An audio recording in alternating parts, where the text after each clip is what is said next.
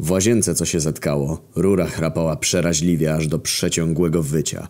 Woda kapała ciurkiem. Po wypróbowaniu kilku domowych środków zaradczych, dubanie w rurze szczoteczką do zębów, dmuchanie w otwór, ustna perswazja, etc., sprowadziłem ślusarza. Ślusarz był chudy, wysoki, z siwą szczeciną na twarzy, w okularach na ostrym nosie, patrzył z podełba wielkimi, niebieskimi oczyma, jakimś załzawionym wzrokiem, Wszedł do łazienki, pokręcił krany na wszystkie strony, stuknął młotkiem w rurę i powiedział A, ferszlus trzeba roztrajbować. Szybka ta diagnoza zaimponowała mi wprawdzie, nie mrugnąłem jednak i zapytałem, a dlaczego? Ślusarz był zaskoczony moją ciekawością, ale po pierwszym odruchu zdziwienia, które wyraziło się w spojrzeniu z ponad okularów, chrząknął i rzekł. Bo drosel klapa tandecznie zblindowana i ryksztosuje. Aha, powiedziałem, rozumiem. Więc gdyby Drossel Klapa była w swoim czasie solidnie zablindowana, nie reksztosowałaby teraz i roztrajbowanie ferszlusu byłoby zbyteczne. A no chyba. A teraz pufer trzeba lochować, czyli dać mu szprajc, żeby tender udychtować. Trzy razy stuknąłem młotkiem w kran, pokiwałem głową i stwierdziłem, hmm, nawet słychać. Ślusarz spojrzał dość zdumiony. Co słychać?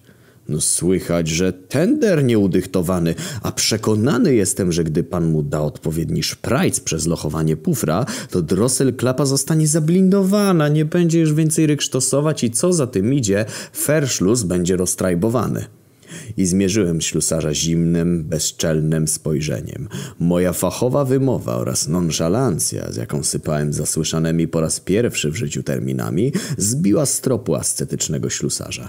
Poczuł, że musi mi czym zaimponować. Ale teraz nie zrobię, bo holajzy nie zabrałem, a kosztować będzie reparacja. Wyczekał chwilę, by zmiażdżyć mnie efektem ceny.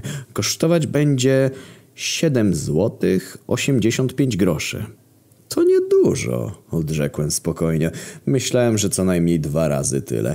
Co się zatyczy holajzy, to doprawdy nie widzę potrzeby, aby pan miał fatygować się po nią do domu. Spróbujemy bez holajzy. Ślusarz był blady i nienawidził mnie. Uśmiechnął się drwiąco i powiedział: Bez holajzy? Jak ja mam bez holajzy Lochbeitel kryptować? Żeby trichter był na szoner robiony, to tak, ale on skrajcowany i we flanszy culajtungu nie ma to na sam abszperwentyl nie zrobię. No wie pan, zawołałem rozkładając ręce, czegoś podobnego się nie spodziewałem po panu, więc ten trychter według pana nie jest zrobiony na szoner. Pusty miech mnie bierze, gdzież on na litość Boga jest krajcowany? Jak to gdzie? warknął ślusarz. Przecież ma kajle na Uberlaufie. Zarumieniłem się po uszy i szepnąłem wstydliwie. Rzeczywiście. Nie zauważyłem, że na Uberlaufie jest kajla. W takim razie zwracam honor. Bez holajzy ani róż. I poszedł po holajzę, albowiem z powodu Kylie na Uberlaufie Trichter rzeczywiście robiony był na szoner niezakrajcowany i bez holajzy w żaden sposób nie udałoby się zakryptować Lochbeitel w celu udychtowania pufra i dania mu szprajcy przez lochowanie tendra, aby roztrajbować ferszlus, który źle działa, że Drossel klapę tandet nie zablindowano i teraz rych sztosuje.